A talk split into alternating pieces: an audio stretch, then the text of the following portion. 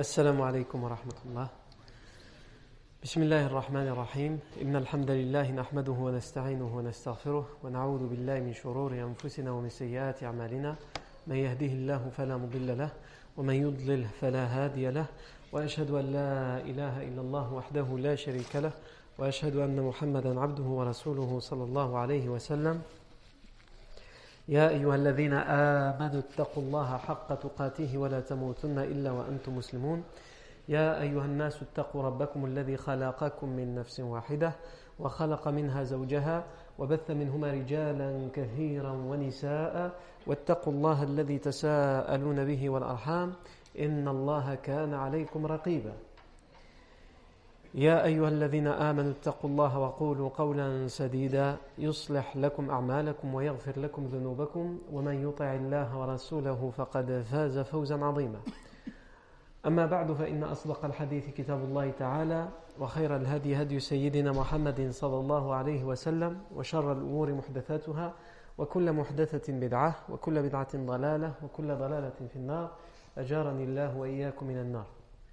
ثم أما بعد. Euh, la fois dernière, on a euh, vu euh, dans la treizième année après la révélation le Bay'atul Aqabati Thaniya, le deuxième serment d'allégeance de l'Aqaba.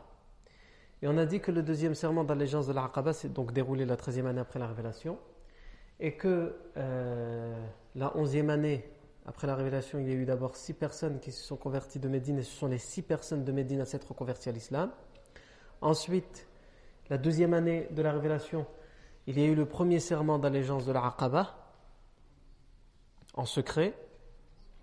Et ce sont les douze, douze Médinois qui ont prêté serment d'allégeance. Et là, on est arrivé à la treizième année euh, après la révélation, où il y a, comme on l'a dit la fois dernière, plus de 70 compagnons, entre 70, 72 et 73 compagnons de Médine, qui sont convertis à l'islam et qui ont un rendez-vous secret avec le prophète salam à l'Aqaba pendant les jours du pèlerinage pour lui prêter serment d'allégeance et pour lui proposer l'asile. Et le sallam va accepter. Ensuite, euh, le, les, compagnons, donc lorsque le, moment du rendez-vous va arriver, les compagnons de Médine vont donc être avec le prophète au niveau de l'Aqaba. Et ici, le prophète sallam va être accompagné de son oncle, qui est à l'époque encore polythéiste, Al-Abbas ibn Abdel Muttalib. Al-Abbas ibn Abdel Muttalib, radiallahu anhu, à l'époque il était polythéiste, mais il se convertira à l'islam plus tard. Al-Abbas ibn Abdel Muttalib va mettre en garde les gens de Médine en leur disant Nous savons que vous lui avez proposé l'asile. Mais ne croyez pas que nous ne sommes pas capables de défendre notre neveu. Nous avons sacrifié beaucoup pour le défendre. Et nous sommes toujours prêts à sacrifier beaucoup pour le défendre. Donc si vous pensez que vous êtes capable de faire la même chose, alors prenez-le avec vous. Mais si, en le prenant avec vous, vous prenez le risque de l'abandonner finalement et de le trahir et de le livrer à ses ennemis, alors laissez-le parmi nous. Il est bien plus en sécurité parmi nous. Non. Et on a vu aussi que les chefs de Médine vont prendre la parole pour assurer, garantir leur serment d'allégeance. Par exemple, Abdullah ibn Amr ibn Haram, qui s'est converti cette nuit-là. Il vient de se convertir, lui, comme on l'avait dit. Abdullah ibn Amr ibn Haram va dire, euh, il, va, il, va, il va assurer, garantir cet engagement en disant, nous sommes les gens qui sont faits pour ça. Nous sommes les gens qui sommes faits pour ça. Parce que nous avons hérité de la guerre. La guerre, nous la connaissons. Nous avons hérité de la guerre de père en fils. Nous sommes les gens des armes. C'est pas ça qui va nous faire peur. Le Bara ibn Ma'rour va prendre la parole pour lui aussi confirmer, certifier ce serment. As'ad ibn Zurara va prendre la parole. Et d'autres. Abbas ibn Ubadah ibn Nadla et d'autres. Non. Et on en vient aujourd'hui aux personnes qui étaient présentes, qui ont assisté à ce serment d'allégeance. Non.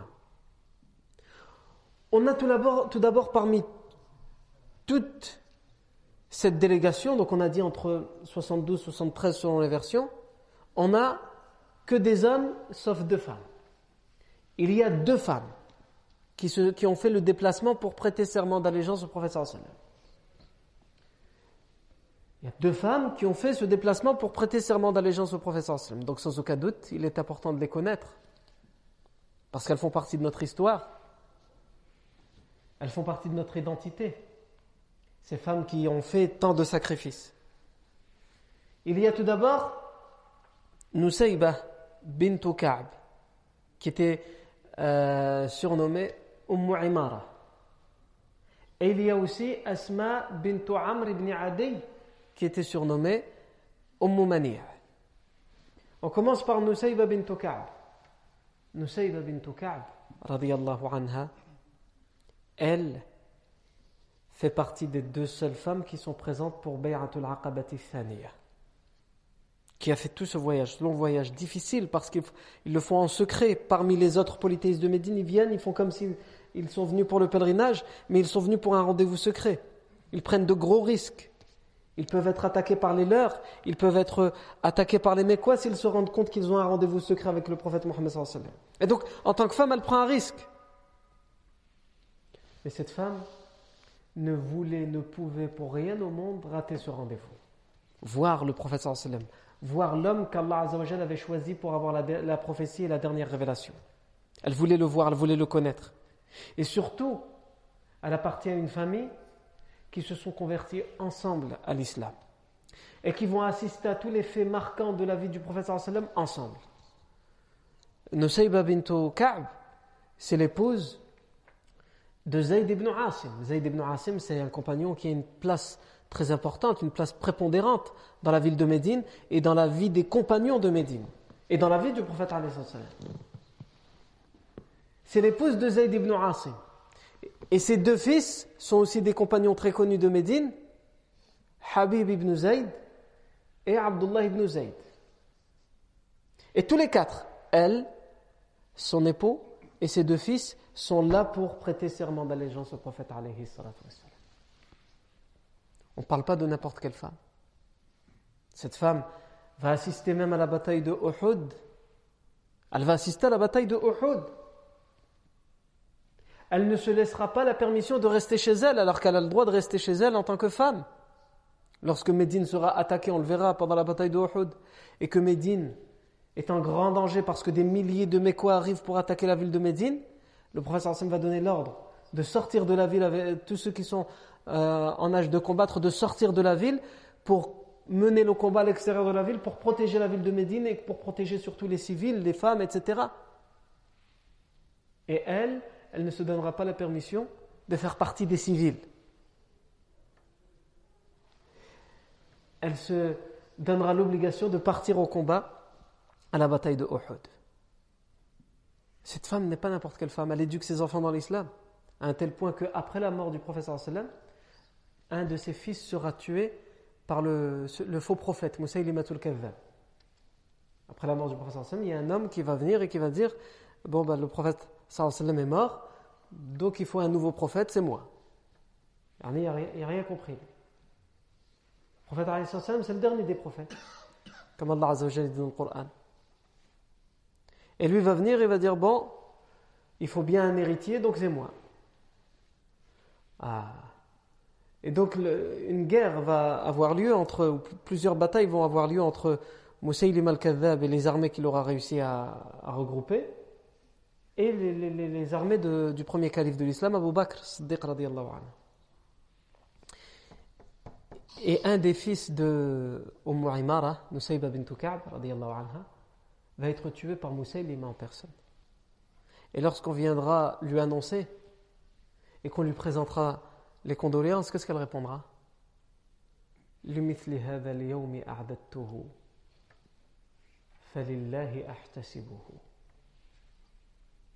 C'est pour ce jour que je l'ai éduqué, que je l'ai préparé, mon fils. Vous venez pleurer? Ou vous venez m'annoncer quelque chose qui devrait me faire pleurer? C'est pour ça que je l'ai éduqué. Pour qu'il réussisse sa vie comme ça. Il a donné sa vie pour défendre sa religion, il a donné sa vie pour défendre les opprimés sur terre. Il a donné sa vie pour défendre ceux qui sont victimes d'injustice sur terre. Elle dit c'est pour cela que je l'ai élevé, que je l'ai fait grandir. Je le confie donc à Allah. Non. Donc on voit bien que si elle fait partie des deux seules femmes qui assistent à la Aqaba, c'est pas pour rien.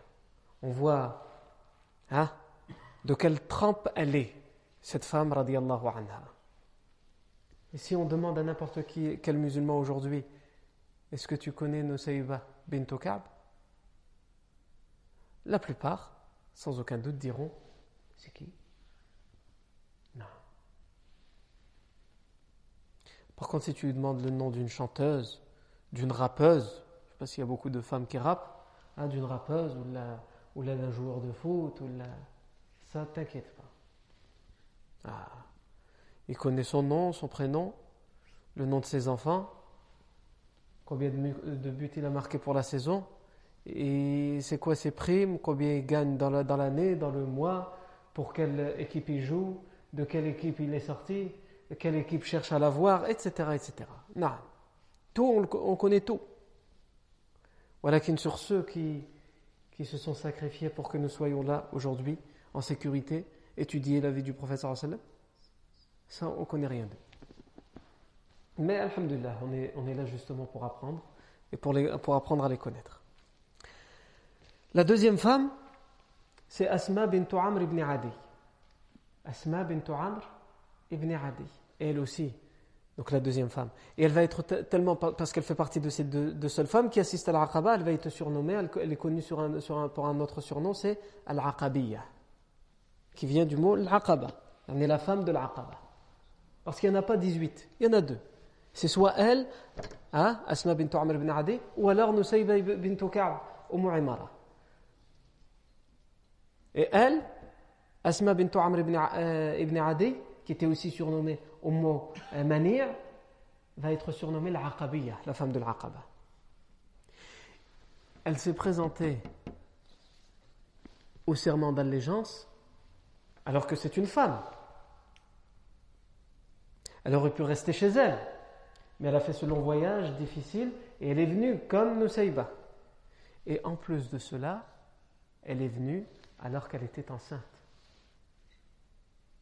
Et elle était à la fin de sa grossesse. À la fin de sa grossesse. Non. À la fin de sa grossesse. Et il y a même des versions qui nous disent que c'est cette nuit-là qu'elle a mis au monde son enfant. Elle a mis au monde son enfant et elle a prêté serment d'allégeance au, euh, au la même nuit. Une femme qui est en fin de grossesse et qui assiste. Euh, Subhanallah. Et ça, on le remarque dans les histoires ou dans, même chez nos anciens lorsqu'ils nous parlent. Le monde a changé. Soi-disant, le monde nous permet de vivre dans la facilité et pourtant cette facilité nous paralyse. Nous, ça nous semble ahurissant qu'une femme en fin de grossesse a fait tout ce long voyage. Plus de 500 kilomètres, à pied, sur un cheval, sur un chameau. Le chameau, il bouge. Le cheval, c'est pas évident pour une femme enceinte. Ça peut causer une fausse couche, ça peut, ça peut, ça peut. Mais subhanallah. Ils menaient leur grossesse jusqu'à terme pour la plupart des femmes. Aujourd'hui, la plupart des grossesses, elles ont des problèmes. Soit ce sera une césarienne, soit ce sera avant terme, soit, soit, soit, soit. Et pourtant, alhamdoulilah, il y a tout ce qu'il faut. Il y a les soins, il y a les gynécologues spécialisés, il y a tout ce qu'il faut. Non. Pourquoi? Parce que le monde est fait, est fait ainsi. D'un côté, on a certaines facilités, et de l'autre côté, hein, la balance, l'équilibre. De l'autre côté, les choses ne nous sont pas facilitées. Il faut regarder dans, nos campagnes. Nos parents, qui pour la plupart viennent des campagnes du Maghreb, les femmes, elles mettaient au monde. Il n'y avait pas d'hôpital. Il n'y avait pas de sage-femme. La sage-femme, c'était la, dame la plus vieille du coin et de la famille qui, avait, qui était expérimentée qui savait comment aider pour euh, mettre au monde. Et tout se passait dans la plupart des cas, dans 99% des cas, très bien, sans aucun problème. Ni vaccin, ni suivi, ni rien du tout, et tout allait bien. Non. Aujourd'hui, si on, si on, on, ose ne serait-ce qu'y penser, à revenir à ce mode de vie, on nous prendrait pour des malades, pour des fous. Pourtant, ça se passait très bien. Non.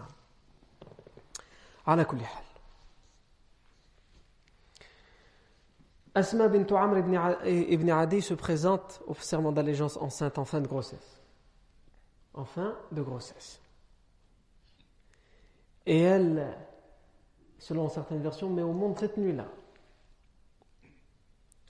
Asma bint Amr ibn Adi, c'est la cousine de Mu'adh ibn Jabal radiallahu anhu. Ibn Jabal, c'est aussi un, compagnon qui a une place prépondérante à Médine, mais lui, on aura le temps d'en parler plus tard, puisque son nom va revenir plus tard. Mu'adh ibn Jabal. Un jeune compagnon de Médine, un jeune adolescent qui va, qui va avoir une très grande place dans la vie du professeur Et elle, cette femme, c'est la cousine de Mu'adh ibn Jabal. Puisque euh, Asma bint Amr ibn Adi, c'est la, la, la, la, fille de la tante paternelle de Mu'adh ibn Jabal. C'est-à-dire que sa mère, la mère de Asma bint Amr, c'est la sœur du père de Mu'adh ibn Jabal, la sœur de, de Jabal. Donc c'est des cousins. Non. Elle va assister à la plupart des événements de la vie du professeur.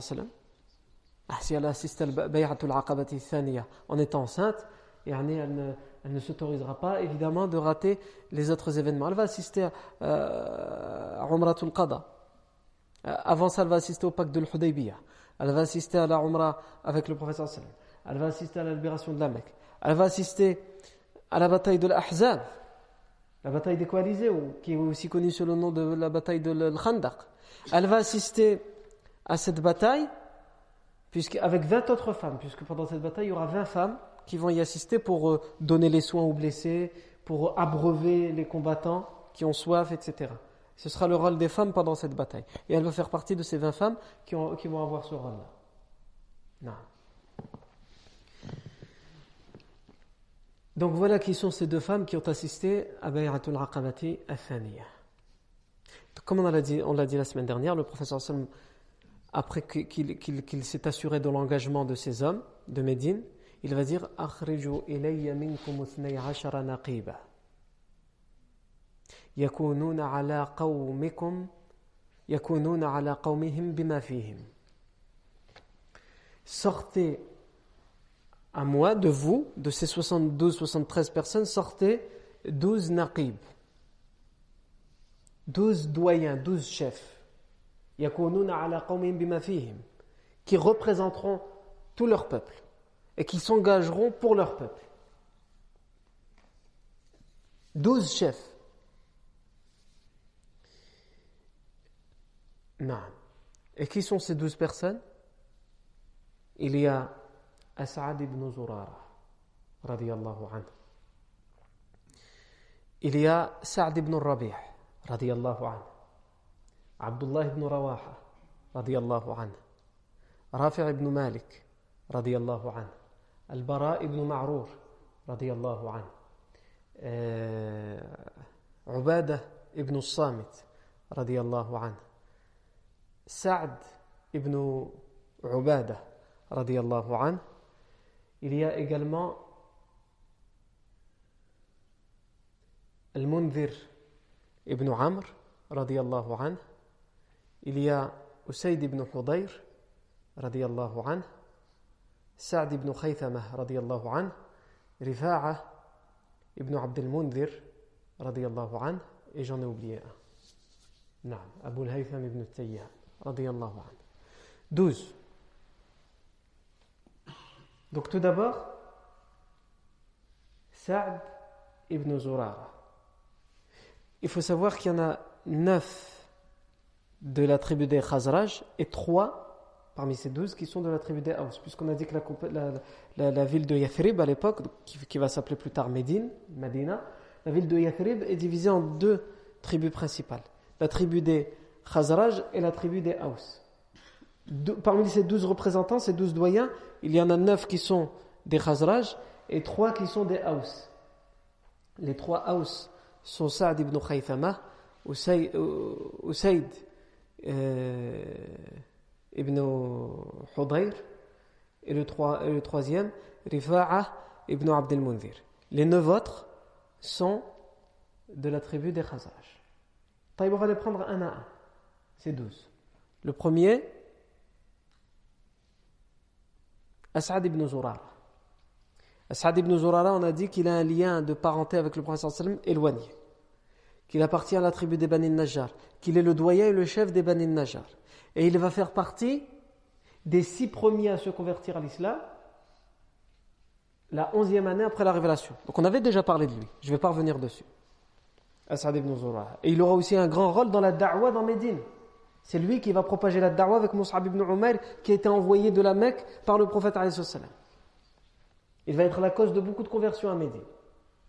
Donc As'ad ibn Zurara est aussi choisi pour, être, pour, faire partie de ces douze représentants. Et d'ailleurs, dans la plupart des versions, le premier à prêter serment d'allégeance euh, pendant ce, deuxième serment d'allégeance de l'Aqaba, c'est qui? C'est As'ad ibn Zurara. Après As'ad ibn Zurara, on a Sa'd ibn Rabi'. Sa'd ibn Rabi' c'est euh, un compagnon de Médine qui va être choisi pour être un des doyens. Mais avant ça, avant d'aller plus loin, ça veut dire quoi en arabe naqib? Le prophète, lorsqu'il leur demande de faire sortir 12 naqib, il n'était pas obligé de le faire. Puisque le prophète, à partir du moment où il croit au prophète, et que tous ces gens-là prêtent serment au prophète, le prophète est leur chef. Il n'y a plus d'autres chefs. Le système tribal voulait qu'à l'époque, pour chaque famille, pour chaque tribu, pour chaque quartier, il y ait un chef. Et le chef était très respecté. An-Naqib, en arabe, et son pluriel en arabe c'est Nuqaba. Le doyen, le chef, il est choisi sous plusieurs, il faut qu'il remplisse plusieurs conditions. Quand on veut le désigner chef de la tribu, il faut évidemment qu'il appartienne à cette tribu. Sinon, il ne peut pas être chef de la tribu. Ça, c'est la première condition. Deuxième condition, il faut qu'il soit âgé. Il faut qu'il soit vieux. Dans le meilleur des cas, il faut qu'il soit le plus vieux. Pas forcément, parce qu'il faut qu'il soit le plus vieux, qui remplisse d'autres conditions. Donc si le plus vieux remplit toutes les conditions, on le choisit lui. Il a la priorité par rapport à son âge. Mais si le plus vieux ne remplit pas toutes les conditions, alors on va en choisir un autre qui est peut-être pas aussi vieux que lui, mais qui est quand même vieux. On choisit pas quelqu'un de 30 ans, de 35 ans, de 40 ans pour être chef. Non. Il faut qu'il soit quelqu'un qui est vieux, qui a de l'expérience de tribu. Donc ça, on parle de la, dans la jahili avant que l'islam arrive. Hein. Le professeur va, va révolutionner ces choses-là petit à petit. Pas tout de suite. Pour l'instant, il fait avec les, les mœurs de l'époque, les règles de l'époque, pour pas bouleverser les choses. Mais petit à petit, il va, il va donner le, le leadership et l'autorité à des jeunes compagnons, à des adolescents qui le méritent, qui ont toutes les compétences et le talent pour l'être, pour montrer que ce n'est pas l'âge qui compte, mais c'est le talent, la compétence. Mais pas tout de suite. Le prophète sallam, justement, il leur dit choisissez au moins vous, vos douze doyens, ceux que vous respectez. Le prophète sallam va avec leur code. Pourquoi? Parce que justement, le naqib, c'est quelqu'un qui appartient à la tribu. C'est quelqu'un qui est âgé. C'est quelqu'un qui est extrêmement respecté. Il n'est pas sacralisé, mais presque. Ce que le chef dit, c'est bon. La preuve, quand Usayd ibn Hudayr s'est converti, toute sa tribu l'a suivi. Quand Saad ibn Ubada s'est converti, toute sa tribu l'a suivi. Ils n'ont pas réfléchi les arguments, est-ce que euh, c'est l'unicité d'Allah ou le polythéisme qui a raison. ils ont mis de côté leur croyance pour suivre leur chef. C'est vous dire l'importance du, du, naqib, du doyen, du chef dans la tribu à l'époque, chez les Arabes à l'époque. Donc il est âgé. Il appartient à la tribu. Il appartient à une famille respectée de la tribu. Il faut qu'il appartienne à une, famille qui est respectée, qui est nombreuse, un nom connu de famille.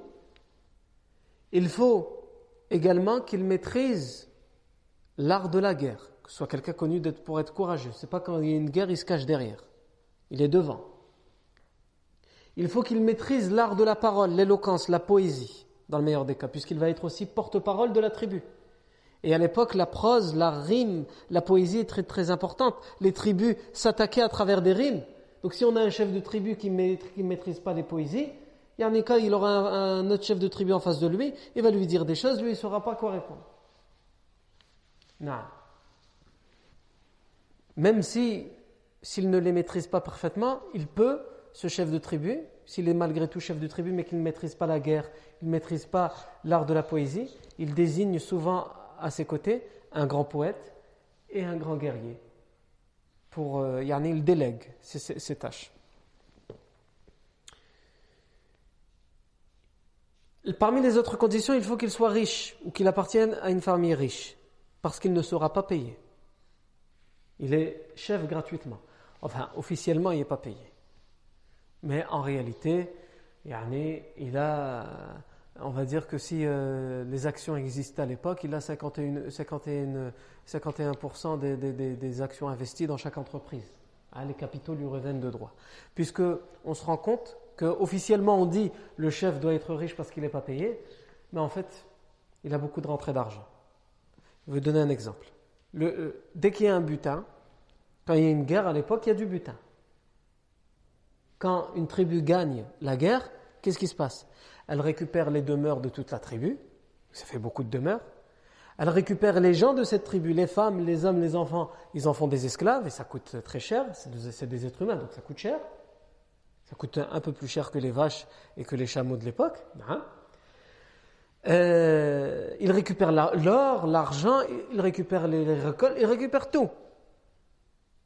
Et quand il y a du butin, le chef de tribu, automatiquement, il récupère quoi? Tout d'abord, on commence par prendre ce qu'il y a de plus précieux dans le butin. Parce que ce qu'il y a de plus précieux, tout le monde voudrait l'avoir. Mais on ne peut pas le partager à tout le monde, à toute l'armée. Donc on dit ça revient automatiquement. Ce qui est de plus précieux, ça revient automatiquement au chef de tribu. Comme ça, il n'y a pas de jaloux, il n'y a pas de problème. Allah. Il prend déjà ça pour commencer. Ce qui est de plus précieux. Ça, ça lui suffirait. Mais non. Après avoir pris de ce qui est de plus précieux, il va falloir maintenant partager. Mais avant de partager entre les combattants et entre les gens de la tribu, il prend automatiquement un quart. Un quart lui revient de droit. 25%. Déjà, il a pris tout ce qui était précieux. Et ensuite, dans le restant, il prend 25%. Yallah, ramène par ici. Après les 25%, il prend ce qu'on appelle, ce qu'ils appelaient à l'époque le faudoul, les restes. Il y aura toujours des restes qui sont difficiles à partager, parce qu'il y a beaucoup de monde. Comment on va faire pour partager ces restes? C'est pour lui aussi, comme ça il n'y a pas de jaloux. Et Allah. Donc au final, il récupère presque tout. Non. Et c'est ce qui fait les richesses de ces chefs de tribu, et c'est pour ça que généralement c'est de père en fils qui sont, qui sont chefs, parce qu'il il hérite des butins et des butins, etc. etc. Non.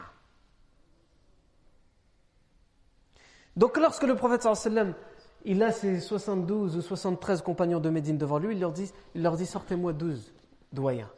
Parce qu'ils il, s'adaptent à leur façon de voir les choses. Pour eux, le chef est important. Le prophète sallam, il ne leur dit pas je suis votre chef. Il leur dit sortez-moi douze de vos chefs qui seront vos chefs. Bien sûr, le, professeur Sam va être le chef au-dessus de tout le monde, mais il respecte encore certains codes pour ne pas les brusquer. Et ils vont, et surtout, pourquoi il, il, demande ces chefs-là? Parce qu'il sait que le professeur Sam, que ce serait une garantie pour lui.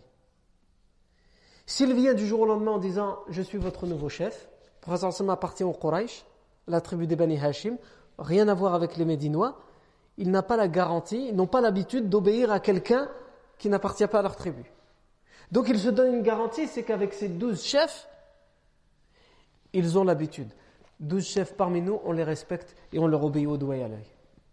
Donc si le professeur sallam, il a ces douze qui l'écoutent, il sait que tout le reste de Médine sera derrière lui. Donc c'est aussi stratégique. Donc le premier, on a dit, c'est As'ad ibn Zurara. Et lui, on en a parlé déjà. Ensuite, Sa'd ibn Rabi'. Sa'd ibn Rabi', comme on le verra lorsqu'il y aura l'émigration, il va être fait frère, puisque le professeur Sam va choisir chaque personne de Médine qui devra être frère d'un compagnon qui va émigrer de la Mecque. Chaque frère de Médine, chaque compagnon de Médine va, être, va devenir le frère d'un compagnon de la Mecque pour que chaque compagnon de la Mecque puisse trouver refuge chez quelqu'un et qu'il puisse vivre. Ce qu'il arrive, c'est un exilé, c'est un réfugié. Donc pour pas que la ville de Médine devienne comme le camp de Sangat ou dernièrement le camp de Grande Sainte, le professeur à régler le problème des réfugiés avant même qu'ils ne se posent. C'est-à-dire, ils ne sont pas arrivés, ils ont commencé à camper, le professeur Hassan y a réfléchi.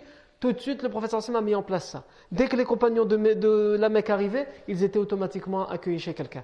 Et tellement le professeur Hassan a, noué des liens forts entre eux, il leur a même donné les droits d'héritage mutuel entre eux. Et Saad ibn Rabi' ce compagnon qui va faire partie des douze doyens pour le deuxième serment de l'Aqaba, il va être frère avec Abdurrahman ibn Auf, comme on le verra, et il va vouloir tout partager avec lui. Il a deux épouses, Saad ibn Rabi', il va vouloir lui en donner une de ses deux épouses. On, verra ça, de toute façon on en reparlera bientôt. Saad ibn Rabi' c'est aussi euh, sa mort puisqu'il va, il va, il va assister à la bataille de Badr, il va assister à la bataille de Uhud, et il va mourir pendant la bataille de Uhud, et sa mort en martyr va être la cause de la révélation des versets qui parlent de l'héritage, et qui montrent comment on doit partager l'héritage. Dans euh, Surat Ali Imran, euh, dans Surat euh, Nisa, dans Surat les femmes, hein, dans, le, dans les premiers versets, il y a les versets qui parlent de comment on doit donner l'héritage aux enfants, aux époux, etc. Aux épouses aussi, évidemment. C'est quoi la cause de la révélation? Ben, C'est la mort de Saad ibn Rabi'. Saad ibn Rabi', quand il va mourir, son frère, donc lui, il laisse, il laisse derrière lui qui? Il laisse sa femme. Saad ibn Rabi', il laisse derrière lui sa femme. Et il laisse deux filles. Il n'avait pas de garçon. Et pour les Arabes de l'époque, les femmes n'avaient pas droit à l'héritage, ni l'épouse, ni les filles. Non, c'est le fils qui prend l'héritage. Les frères, les pères, les hommes. Les femmes, pas de droit d'héritage. Non. À l'époque, c'était comme ça. Malheureusement, chez certains musulmans, encore aujourd'hui, c'est le cas. L'islam y a donné le droit d'héritage à la femme et lui a donné des droits qu'aucune civilisation a donné dans l'héritage. Et dans certaines euh, mentalités chez certains musulmans, c'est honteux que la femme prenne l'héritage. C'est-à-dire, ils disent oui, elle y a droit, mais si elle l'accepte quand on lui donne, elle devrait, non, elle devrait le laisser à, ses frères. C'est aïb, yani. Non. Et moi qui suis euh, originaire du nord du Maroc, je sais de quoi je parle. Yani. Dans les campagnes dans le nord du Maroc, c'est pas on dit la femme n'y a pas droit. Si elle le réclame, on doit lui donner, parce que l'islam lui a donné. Mais c'est mal vu. Elle a réclamé son droit, subhanallah. C'est son droit qu'Allah lui a donné. Comment tu peux dire que c'est mal vu? Comment tu peux dire que c'est aïb? C'est pas aïb. C'est aïb pour toi de penser ça. C'est pour toi de penser que le droit qu'Allah lui a donné ne lui revient pas de droit. Non. Donc quand Saad ibn Rabi' va mourir, son frère il va débarquer, il va tout prendre. Il laisse derrière lui une épouse et deux filles, et son frère il arrive, il rafle tout. La femme de Saad ibn Rabi' va voir le prophète elle va dire Ya Rasulallah, mon mari est mort à Uhud. Et son frère est venu, il a tout pris. On se retrouve dehors. Donc il a pris sa maison, il a pris les récoltes, il a pris l'argent, il a tout pris. Et il n'y a rien, ni pour moi, ni pour mes filles. Est-ce que c'est normal? Le professeur Sami, il va lui dire, je ne peux pas répondre. Je suis obligé d'attendre que la révélation d'Allah arrive. Et la révélation d'Allah va arriver. La révélation d'Allah elle va, elle va dire quoi? Elle va dire que dans ce cas-là, les deux filles ont droit aux deux tiers. Les deux tiers de l'héritage, les deux tiers de ce qu'a laissé le défunt les deux tiers, c'est-à-dire 66%. Elles prennent 66% pour elles, les deux tiers. Et l'épouse, elle prend un huitième. Quant au reste, c'est-à-dire plus beaucoup, là le frère il peut le prendre. Parce qu'il n'y a pas de garçon, parce qu'il n'y a pas de fils. Mais s'il y avait des fils, le frère n'aurait eu droit à rien du tout. Bref, ça c'est dans les droits d'héritage. Et donc le professeur Sam va appeler le frère de Saad ibn Rabi' il lui dit Viens par ici. T'as tout pris. Rends deux tiers et rends un huitième. Un huitième pour l'épouse, deux tiers pour les filles qui se le partagent entre elles. Et ce qui reste, tu peux le prendre. S'il reste quelque chose. Donc on voit yani, comment l'islam est, venu. Yani. Bousculer les mœurs de l'époque. Et aujourd'hui, on ose dire, on ose dire que l'islam, il rabaisse la femme. C'est l'islam qui a ramené qui a rendu à la femme sa dignité C'est l'islam qui a rendu à la femme sa dignité. Ici, en Europe, la femme n'a eu droit à l'héritage qu'il y a encore juste quelques siècles. La femme n'a eu le droit d'être consultée, c'est-à-dire le droit de vote, comme 1940, si je ne me trompe pas. Il y a à peine un, demi-siècle. Le prophète sallam, comme on va le voir dans, dans, sa vie, en particulier par exemple pour le pacte de l'Hudaybiyah, il consulte ses épouses pour savoir ce qu'il doit faire. Dans des, dans des, choses très importantes qui concernent toute la communauté, il consulte ses épouses. Non.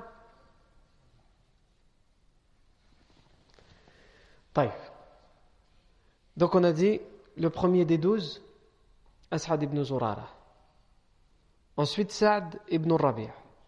Ensuite Abdullah ibn Rawaha. Abdullah ibn Rawaha, ça va être un des trois grands poètes du prophète sallam, avec Ka'b ibn Malik et Hassan ibn Thabit.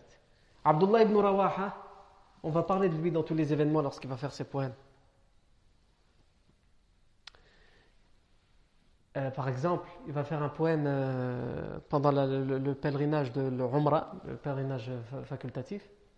Et Omar ibn Khattab va lui dire, parce que dans, son poème, pendant le tawaf, il va faire un poème où les Quraysh, les polythéistes sont en train, en train de regarder les, le professeur Sam et les compagnons qui font le tawaf et ils se moquent d'eux. Et lui, il va leur répondre à travers des rimes. Et Omar ibn Khattab, il va lui dire, il va lui dire à Abdullah ibn Rawaha, tu oses faire des poèmes, des rimes, en présence du professeur sallam, et dans le haram, dans l'enceinte sacrée. Parce que pour lui, ce n'est pas un endroit pour faire la, poésie. Ah, le professeur sallam, il va lui dire laisse-le. Parce que les paroles qu'il vient de dire, elles sont plus dures pour les polythéistes que l'épée.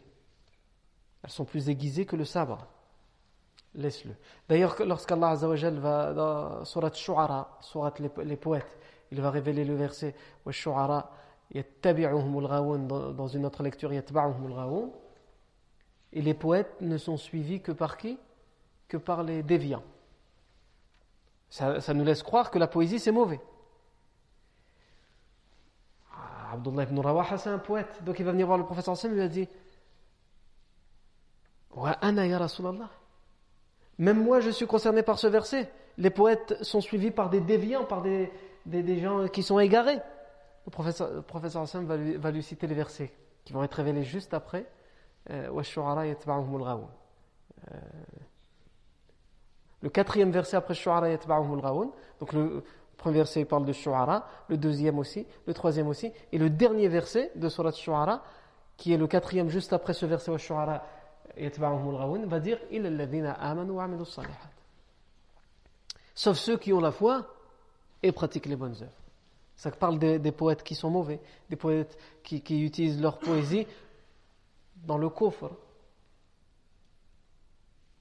pour éloigner les gens du bien, pour éloigner les gens de la vérité. Quant à toi, tu ne le fais que dans le bien, donc toi tu n'es pas concerné. Donc on a dit As'ad ibn Zurara, Sa'd ibn Rabi', Abdullah ibn Rawaha, Rafi' ibn Malik. Rafi' ibn Malik, vous vous rappelez de lui Rafi' ibn Malik a fait aussi partie des six premiers convertis de Médine qui sont convertis la onzième année après la révélation. Ensuite, Al-Bara ibn Ma'rur. Bara ibn Ma'rur, on en a déjà parlé aussi. C'est quel Bara ibn Ma'rur? C'est celui qui a changé la direction de la prière. Hein? Quand il était en chemin de Médine pour euh, la Mecque, pour le, le deuxième serment de l'Aqaba, la treizième année après la révélation, il va prier vers Mecca alors que normalement il faut prier vers euh, Jérusalem, vers le Quds. Il va venir voir le professeur Sam et il va dire à Rasulallah, moi je prie vers Mecca parce que pour moi c'est la Qibla. Le professeur Sam, qu'est-ce qu'il va lui dire tu étais dans la bonne Qibla si seulement tu avais été patient. Là c'est trop tôt, c'est pas maintenant. On a dit As'ad ibn Zurara, Sa'd ibn Rabi', Abdullah ibn Rawaha, et Rafi' ibn Malik, et celui qu'on vient de citer, le Bara ibn Ma'rour, Ensuite, Abdullah ibn Amr ibn Haram, le père du compagnon Jabir ibn Abdullah. Et lui aussi, on a parlé de lui. C'est qui lui? C'est celui qui était venu en tant que polythéiste. Il est venu, il arrive à la Mecque pour faire le pèlerinage. Il est polythéiste, il n'est pas musulman. Et, lorsque, et la nuit de l'Aqaba, il va se convertir à l'islam. Les musulmans de Médine vont, lui parler, vont lui dire on va voir le prophète en secret, devient musulman avant qu'il soit trop tard, il va se convertir cette nuit-là et il va prêter serment d'allégeance cette nuit-là et il va faire partie des douze doyens, des douze naqib, des douze nuqaba. Abdullah ibn Amr ibn Haram. Ubada ibn Samit. C'est qui Ubada ibn Samit On en a déjà parlé aussi. Ubada ibn Samit, il était présent au premier serment d'allégeance de l'Aqaba, c'est-à-dire la deuxième année après la révélation, et c'est même lui qui nous raconte, parce qu'il va vivre ce, serment d'allégeance, cet événement, et c'est lui qui le raconte en détail. Ensuite, Sa'd ibn Ubada. C'est qui Sa'd ibn Ubada Sa'd ibn Ubada, anhu, on a parlé aussi. C'est celui qui s'est converti à Médine par la cause de Mus'ab ibn Umar anhu, et As'ad ibn Zura. Vous n'êtes pas perdus, hein? tout ça on l'a déjà vu. Parce que j'avais il me regarde, il dit, eh, oh, on en a vraiment parlé. Naam, il y a à peine deux semaines, on a parlé de lui. Naam. Zayd Sidi. Après ça, eh, Ibn euh, Ubada, on a qui? Taïb. On a. Et ouais, là. On a qui? On va les reprendre depuis le début. Asad ah, ibn Zurara. Naam Ahsant. Usaid ibn Hudayr. Usaid ibn Hudayr c'est qui? On en a parlé. Lui aussi s'est converti à Médine en, même temps, le même jour que Sa'd ibn Ubada. Par la cause de qui? Par la cause de Mus'ab ibn Umayr et par la cause de Sa'd ibn, ibn Zurara anhu. Il était parti pour tuer Mus'ab ibn Umayr et il devient musulman. Je ne reviens pas sur cette histoire, on en a largement parlé. Donc au Saïd ibn Hudayr, ensuite on a qui? On a Sa'd ibn Khaythama. Sa'd ibn Khaythama. Avant Saad ibn Khaythama, il y a euh, Amr ibn Afwan, Al-Mundhir ibn Amr. Al-Mundhir ibn Amr. Mundhir ibn Amr va faire partie des, Donc lui, on n'en a pas encore parlé. Mais il va être choisi parmi les douze doyens. Il va faire partie des compagnons qui vont assister à toutes les. Euh, à, les, à tous les faits marquants, à toutes les batailles, tous les faits marquants de la vie du prophète. Le Mundir ibn Amr, il va être tué euh, dans la bataille de Be'r Ma'ouna, le puits de Ma'ouna. La bataille, une bataille qui va être surnommée la bataille du puits de Ma'ouna, Be'r Ma'ouna. On n'en a pas encore parlé de cette bataille, elle va venir plus tard. Et donc on reparlera à ce moment-là de Mundir ibn Amr, puisqu'il va être le chef de l'expédition de Be'r Ma'ouna, il va être tué dans cette expédition. Donc ensuite on a dit Sa'd ibn Khaythama. Sa'd ibn Khaythama, radiallahu an, lui aussi il va assister à la bataille de Badr. Donc il va être un des douze doyens, il va assister à la bataille de Badr. À la bataille de Badr, il y a lui et son fils. Son fils s'appelle comment, comment? Il s'appelle comme lui, Sa'd. Sa'd ibn Sa'd ibn Khaythama. Le père il s'appelle Sa'd ibn Khaythama et le fils s'appelle Sa'd ibn Sa'd. À la bataille de Badr, c'est au choix celui qui va aller à la bataille. C'est pas obligatoire. Parce que c'est pas la, ville de Médine qui a attaqué. C'est pas un grave danger. Donc, c'est au choix. Et il se trouve que Sa'd ibn Khaytama veut y aller. Et son fils Sa'd ibn Sa'd, lui aussi, veut y aller. son père lui dit Reste à la maison. Reste occupé de tes sœurs, euh, de ta femme, de, de, mes femmes. Il faut que quelqu'un s'occupe des enfants et des femmes. On ne peut pas aller, nous, les deux hommes de la maison, on va aller à la bataille. Et si tous les deux on ne revient pas parce qu'on va être tués, c'est un risque qu'on prend. Donc toi, tu restes. Le fils va dire non. Il va dire Oh mon père, si c'était quelque chose de dunya, wallahi je l'aurais donné volontiers. Mais là, tu me demandes de le délaisser, de laisser de côté la satisfaction d'Allah. Tu me, tu me demandes de laisser de côté l'éventuelle mort en martyr. Tu me, tu me demandes de laisser de côté quelque chose qui concerne l'au-delà. ça, je ne peux pas. Je suis capable de te, tout te donner sur terre. Ce qui concerne la, la Donia, prends tout. Prends mon argent. Prends tout. Mais l'au-delà, non. Même si tu es mon père et que je te respecte, ça, je ne peux pas. Taïb. Comment on fait? On va, Ils vont faire un tirage au sort. Ils vont tirer au sort pour savoir qui d'entre les deux peut aller à la, bataille de Badr et qui doit rester. Et qui euh, doit rester? C'est le père. Le tirage au sort, il va dire le père, tu restes. Et le fils, il va partir, il va être content. Il ne reviendra pas. Il sera tué dans la bataille de Badr. Naam, radiyallahu L'année d'après arrive la bataille de Uhud. Et lorsqu'arrive la bataille de Uhud, le père dit cette fois j'y vais. Khalas, mon fils est mort, ah, il m'a devancé, cette fois il va pas me dire euh, ça fait j'y vais. Non, il va y aller. Et il va mourir en martyr dans la bataille de Uhud. Radiallahu anhu Donc quand, quand on dit que ces gens-là vont prêter serment d'allégeance et ils vont comprendre, ils vont prendre conscience qu'ils sont prêts à être tués, on sait de quoi, ils savent de quoi ils parlent. Et ils vont y aller, ils vont aller jusqu'au bout.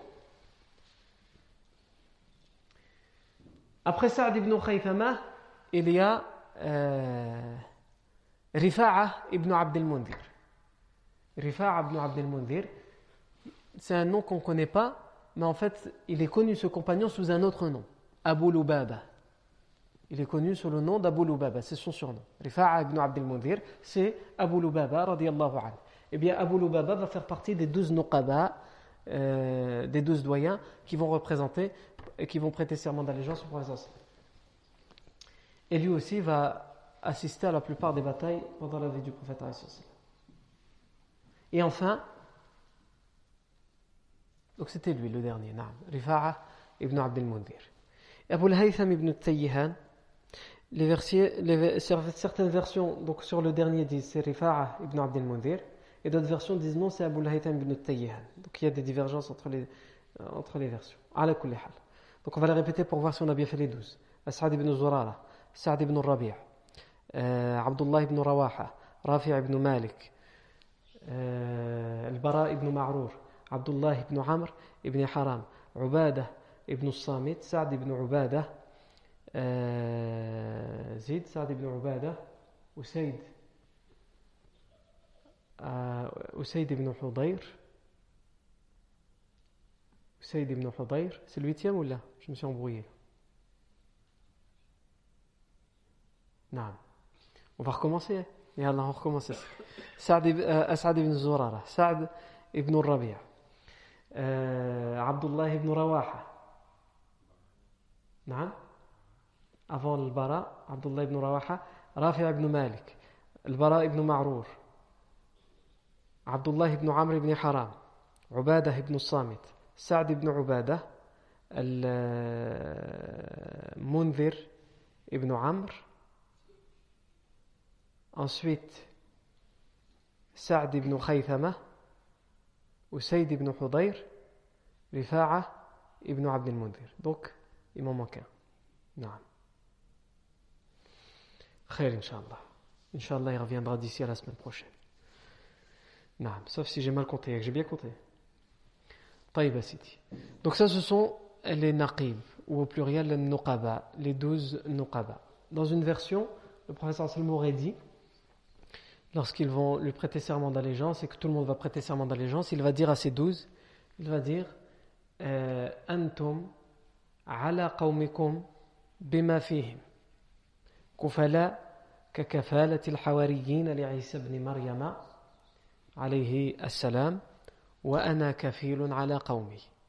Il va leur dire, vous, représentants de vos peuples, vous vous portez garant de vos peuples, de vous-même et de vos peuples, comme se sont portés garants les apôtres pour le prophète Isa ibn Maryam.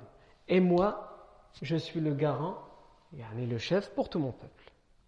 Donc vous, entre guillemets, vous êtes des sous-chefs, hein, vous êtes les chefs, vous êtes les représentants, les porte-paroles de vos, peuples, et moi je suis le représentant de tout mon peuple, de tous les musulmans.